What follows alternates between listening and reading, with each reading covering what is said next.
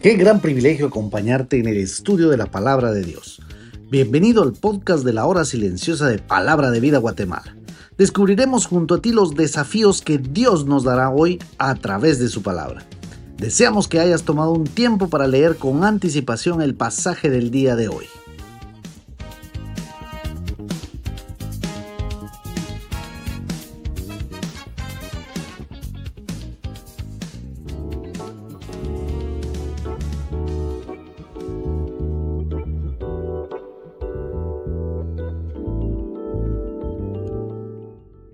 Muy buen día tengan todos ustedes. Es un gusto y un privilegio compartir con ustedes el comentario de la hora silenciosa.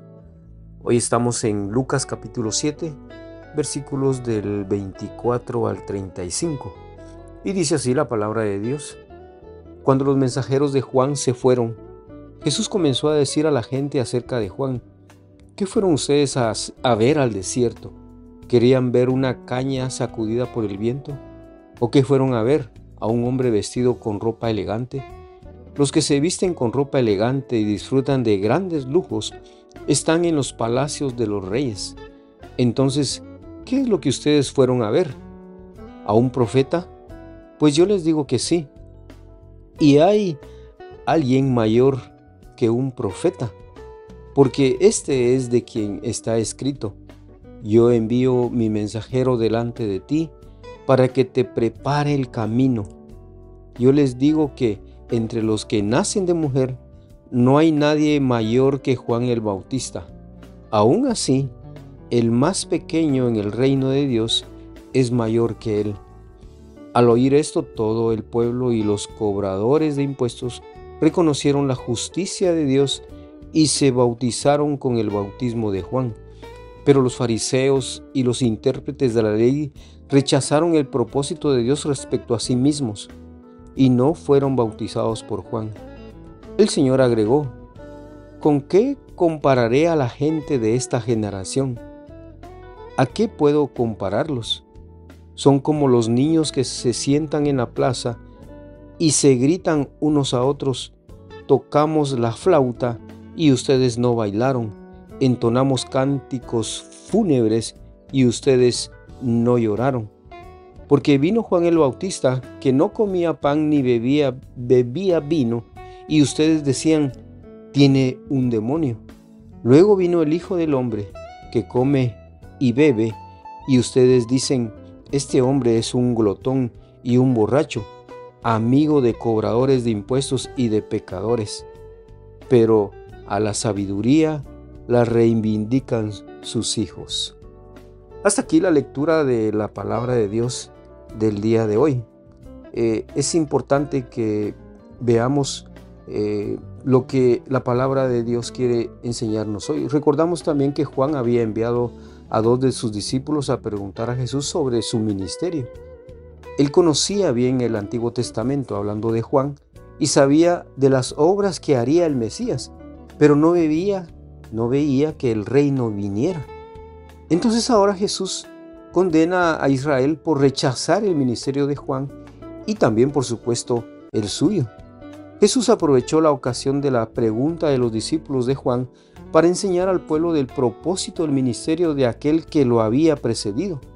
Hizo notar que no era una persona sin convicciones, como una caña sacudida por el viento, dice el versículo 24, ni que se había vestido lujosamente, por el contrario, la gente entendió correctamente que era un profeta.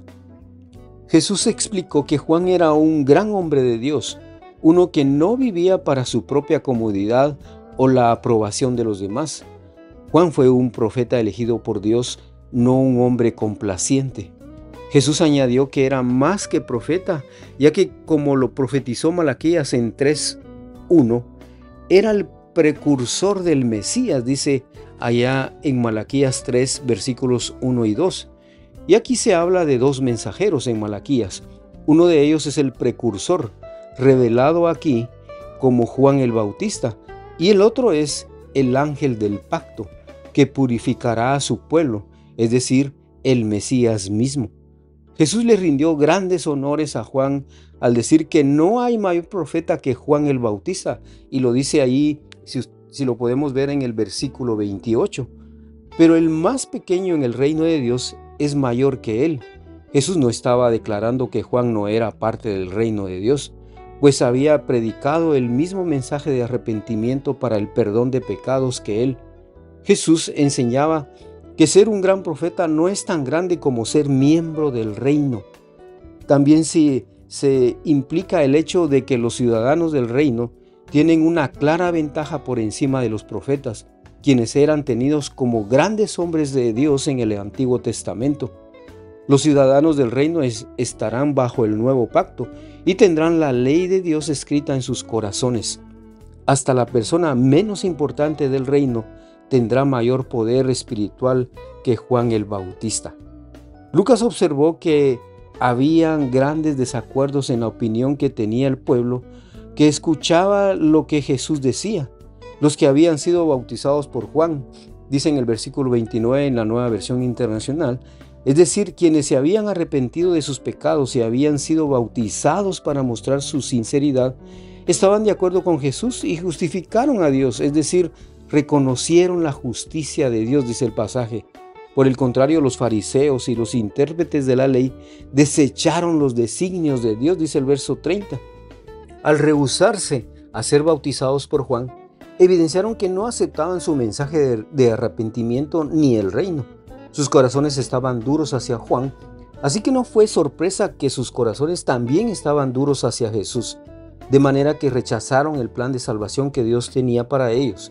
El hecho irónico fue que los fariseos y los intérpretes de la ley eran los que habían o los que tenían que haber he tenido mejor conocimiento del ministerio del precursor, es decir, de Juan, y por lógica del Mesías, de Jesús.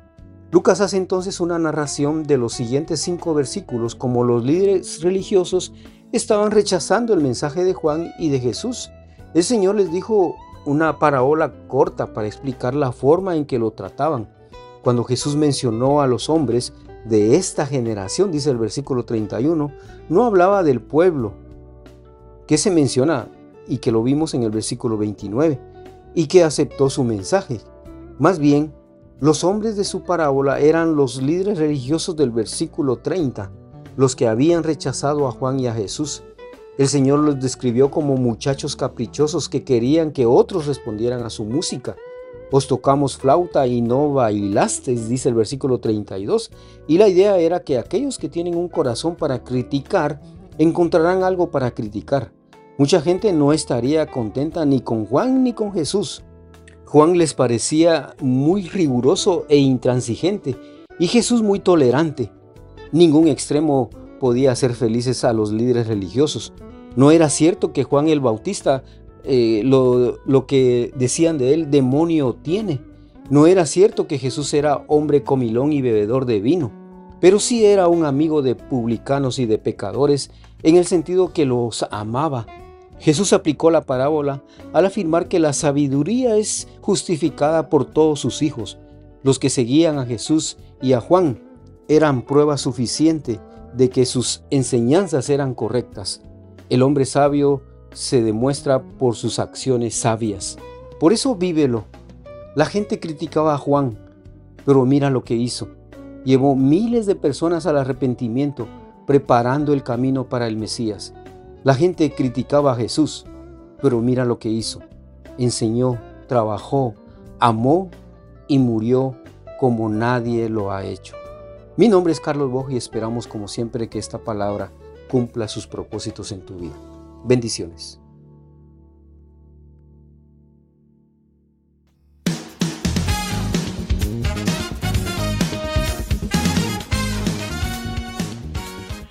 Es emocionante saber los tesoros que Dios tiene en su palabra para nosotros. Ayuda a tus amigos a que descubran la voluntad de Dios para su vida. Comparte este podcast con ellos. No olvides seguirnos en nuestras redes sociales.